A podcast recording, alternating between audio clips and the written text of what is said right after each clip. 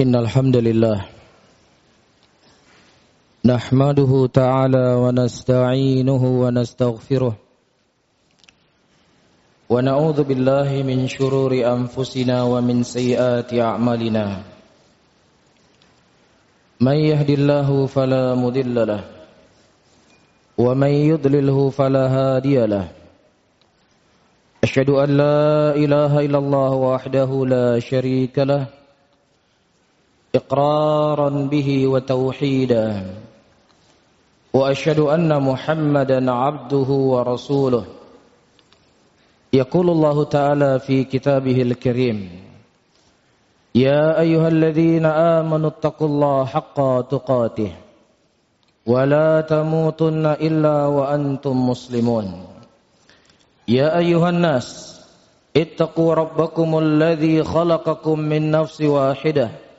وخلق منها زوجها وبث منهما رجالا كثيرا ونساء واتقوا الله الذي تساءلون به والأرحام إن الله كان عليكم رقيبا. يا أيها الذين آمنوا اتقوا الله وقولوا قولا سديدا.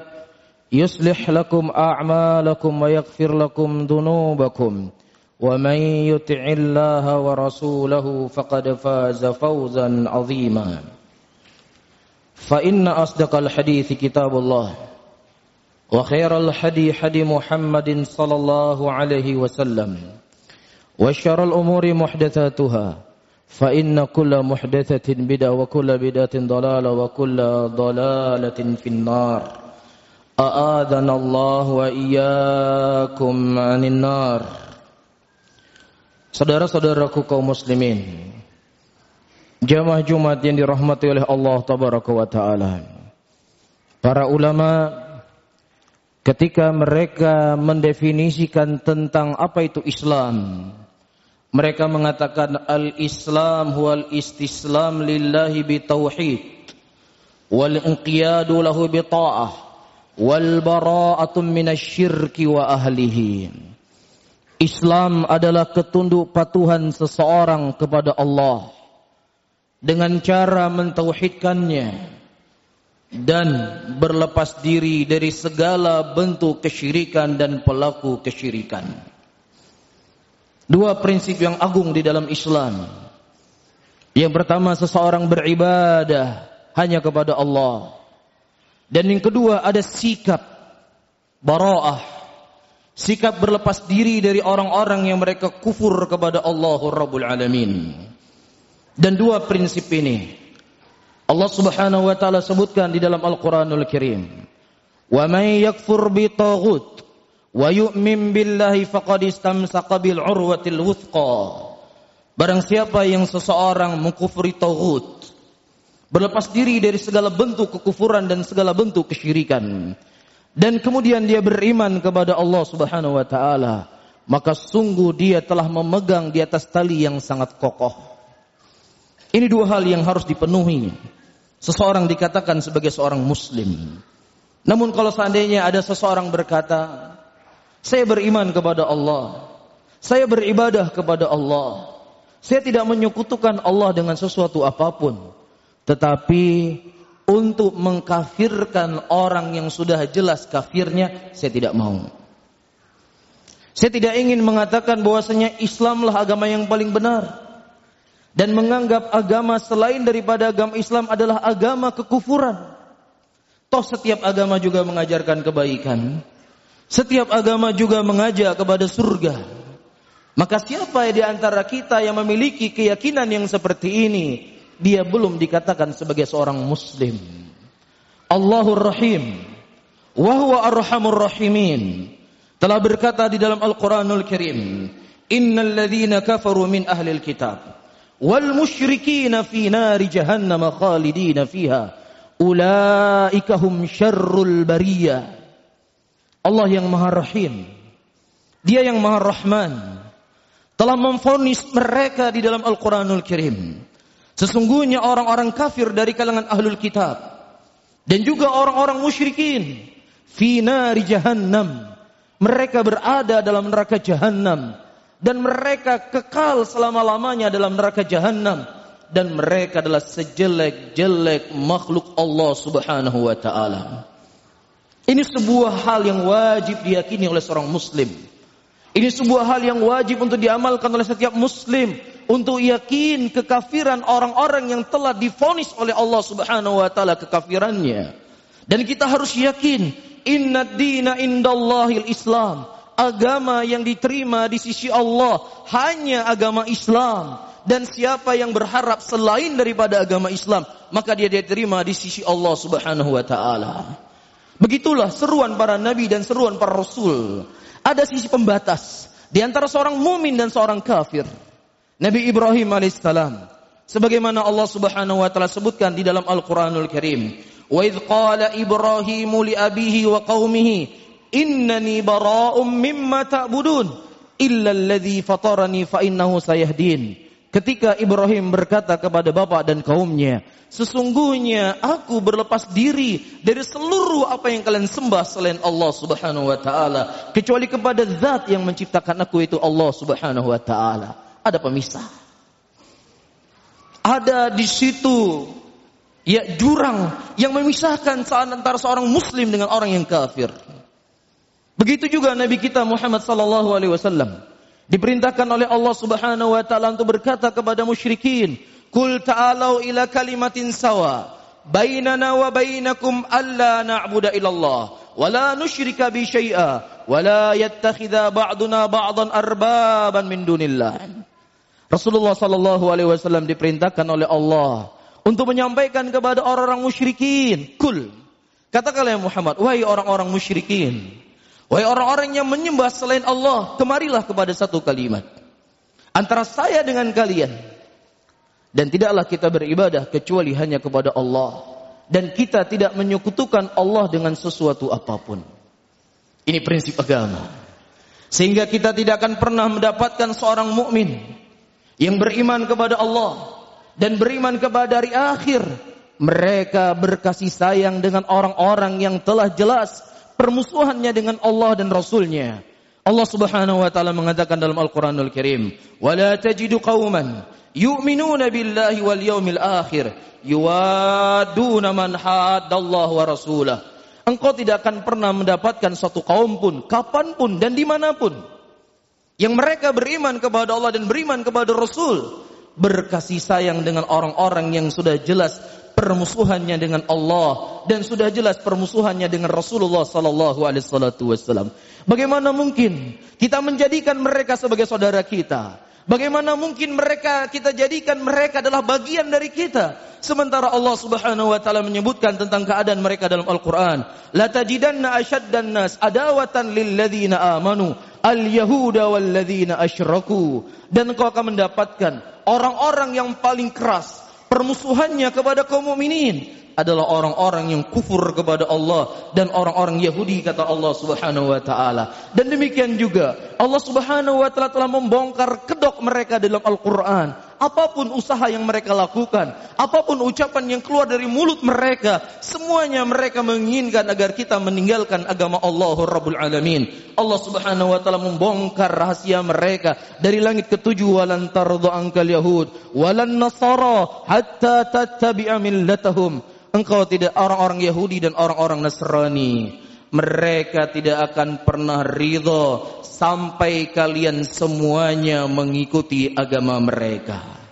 Namun dengan nama toleransi yang dibungkus dengan toleransi, hari ini muslimin dipaksa atau diharuskan untuk berealitas dengan orang-orang non-Islam dari perkara-perkara agama mereka. Sebagian muslimin hari ini diharuskan memakai topi sinterklas sebagai bentuk toleransi dengan orang-orang kafir. Hari ini muslimin diajak ke gereja untuk sama-sama memperingati hari Natal. Hari ini para kiai bahkan sebagian mereka berkhutbah di hari raya untuk berkhutbah di malam Natal untuk memberikan semangat bagi orang-orang Nasrani menghidupkan malam Natalnya. Saudara-saudaraku muslimin, enggak perlu mereka mengajarkan kita bagaimana cara bertoleransi.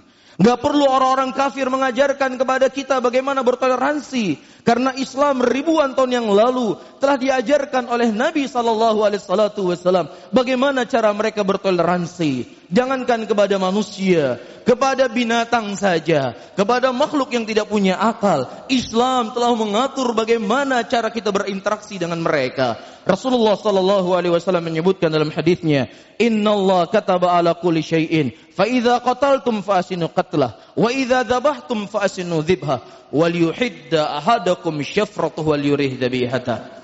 Allah telah mencatat segala sesuatunya. Kalau kau ingin membunuh maka bunuhlah dengan cara yang baik. Kalau seandainya engkau menajam hendak mau nyembelih seekor hewan, maka hendaknya kalian menajamkan pisau-pisau kalian agar hewan yang kalian sembelih itu bisa mati dalam keadaan tenang. Orang-orang yang hari ini mengajarkan muslimin bertoleransi, Orang-orang menganggap hari ini muslimin intoleransi untuk menyembelih seekor hewan saja. Mereka belum becus. Dia tusuk besi dari tempat keluar kotorannya hewan sampai ke mulutnya dalam keadaan hewan masih hidup dibakar hidup-hidup. Kemudian kamu mengajarkan kepada kami bagaimana cara bertoleransi. Bagaimana mereka hendak menyembelih seekor sapi Diikat sapi di sebuah kayu, kemudian dibiarkan dia berguling-guling, kemudian dipukul beramai-ramai. Kamu mengajarkan kepada kami bagaimana cara bertoleransi? Ribuan tahun yang lalu Nabi kami sudah mengajarkan kepada kami hal yang seperti ini. Bahkan bukan hanya kepada binatang, kepada makhluk yang tidak bisa terlihat, jin. Dijaga adabnya dalam Islam, dijaga hak-hak mereka dalam Islam. Rasulullah sallallahu alaihi wasallam menyebutkan dalam hadisnya, La tastanju bil irath wal idham fa innahu zada ikhwanukum minal jin. Jangan engkau mencebok, mencuci kotoranmu dengan tulang belulang karena sesungguhnya itu merupakan makanan saudara kalian dari jin. Makhluk yang tidak bisa dilihat. Bagaimana lagi dengan manusia? Bagaimana lagi dengan orang yang punya perasaan? Bagaimana lagi dengan orang yang punya akal? Tentunya Islam lebih jelas mengajarkan kepada kita bagaimana bertoleransi dengan mereka. Bahkan hal yang paling terkecil pun perasaan dijaga dalam agama Islam. Rasulullah sallallahu alaihi wasallam menyebutkan dalam hadisnya, "Idza kuntum thalatha" apabila kalian sedang bertiga, maka jangan yang duanya itu saling berbisik-bisikan. Yang satunya tidak diajak bicara. Fa innahu yuhzinu. Maka itu bisa membuat dia sedih. Dilarang oleh Nabi sallallahu alaihi wasallam. Saudara-saudaraku muslimin silahkan Anda membantu orang-orang non-Islam. Ketika mereka mendapatkan bencana silahkan kita bantu mereka apa yang mereka butuhkan mereka butuh pakaian kita bantu dengan pakaian mereka butuhkan makanan kita berikan makanan Iya, ketika anak mereka butuh biaya pendidikan yang dia sekolah di sekolah umum, silakan kita bantu. Ketika itu perkaranya adalah muamalah, silakan kita bertoleransi dengan mereka. Bahkan Rasulullah Sallallahu Alaihi Wasallam dalam kondisi perang sekalipun, beliau melarang para sahabatnya untuk menghancurkan gereja. Rasulullah melarang untuk membunuh para pendeta. Rasulullah melarang untuk membunuh para biarawati. Biarkan mereka hidup. Biarkan mereka berjalan dengan apa yang mereka yakini daripada agamanya.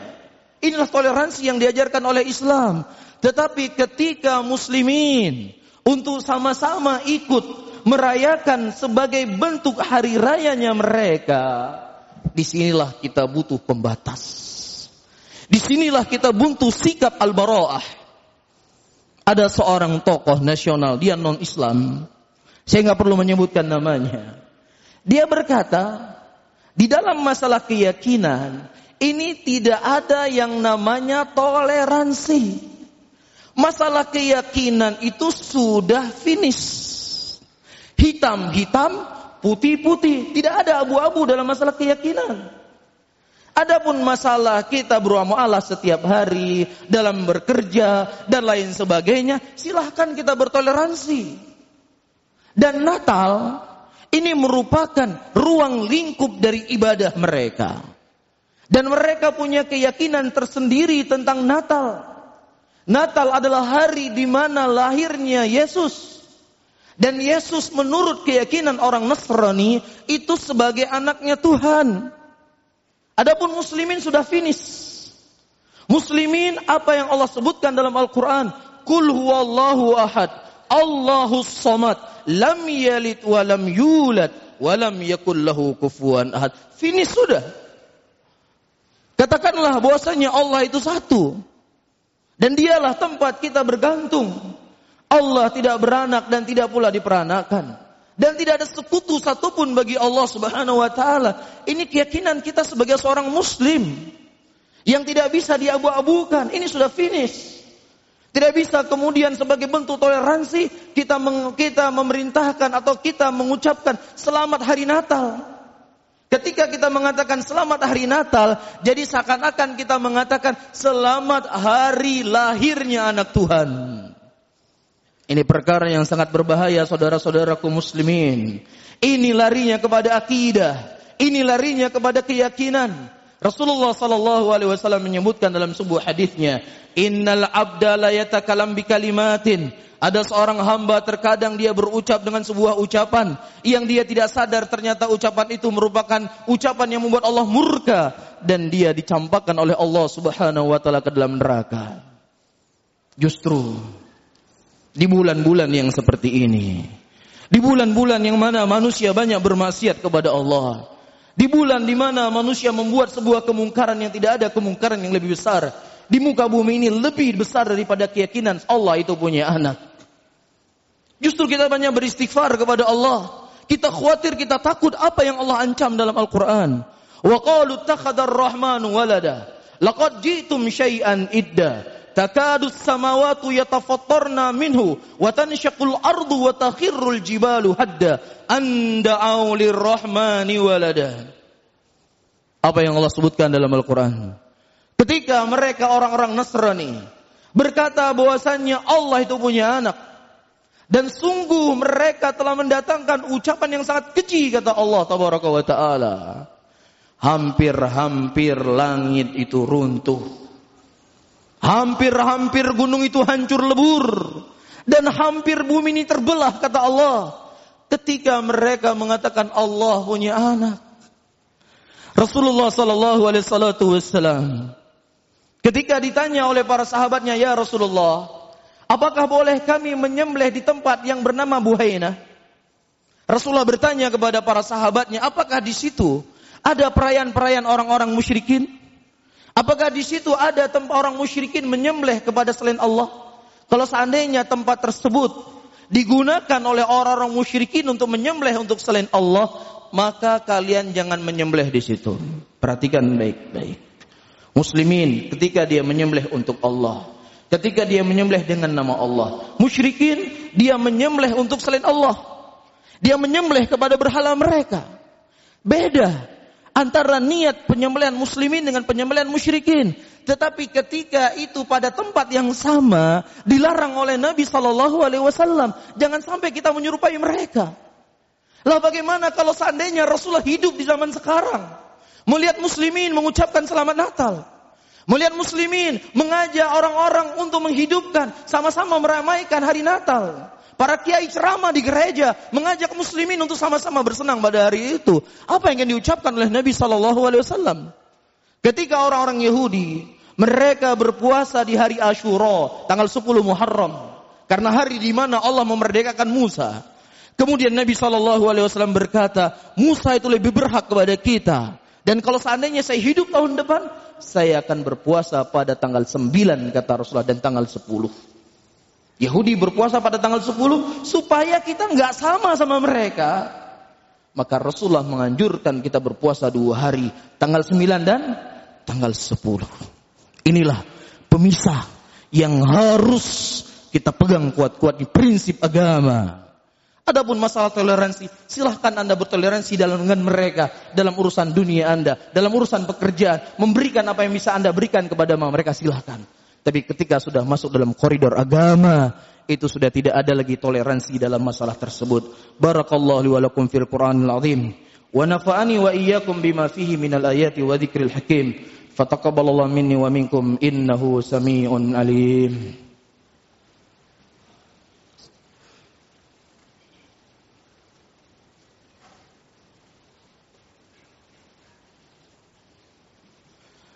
Alhamdulillah الحمد لله حمدا كثيرا طيبا مباركا فيه. مباركا عليه.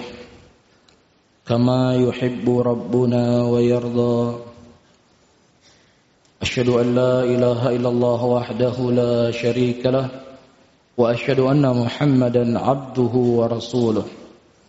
يقول الله تعالى في كتابه الكريم أعوذ بالله من الشيطان الرجيم.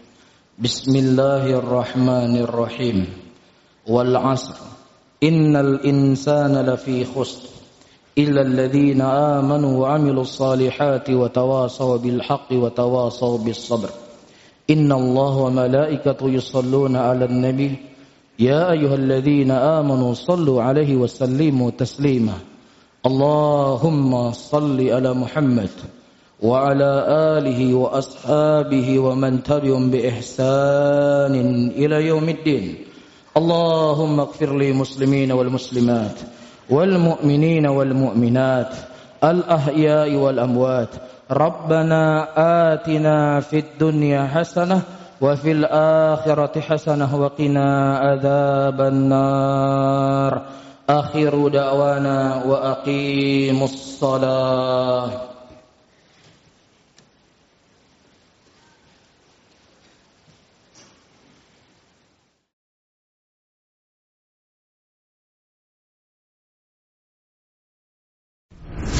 Media Sunnah Aceh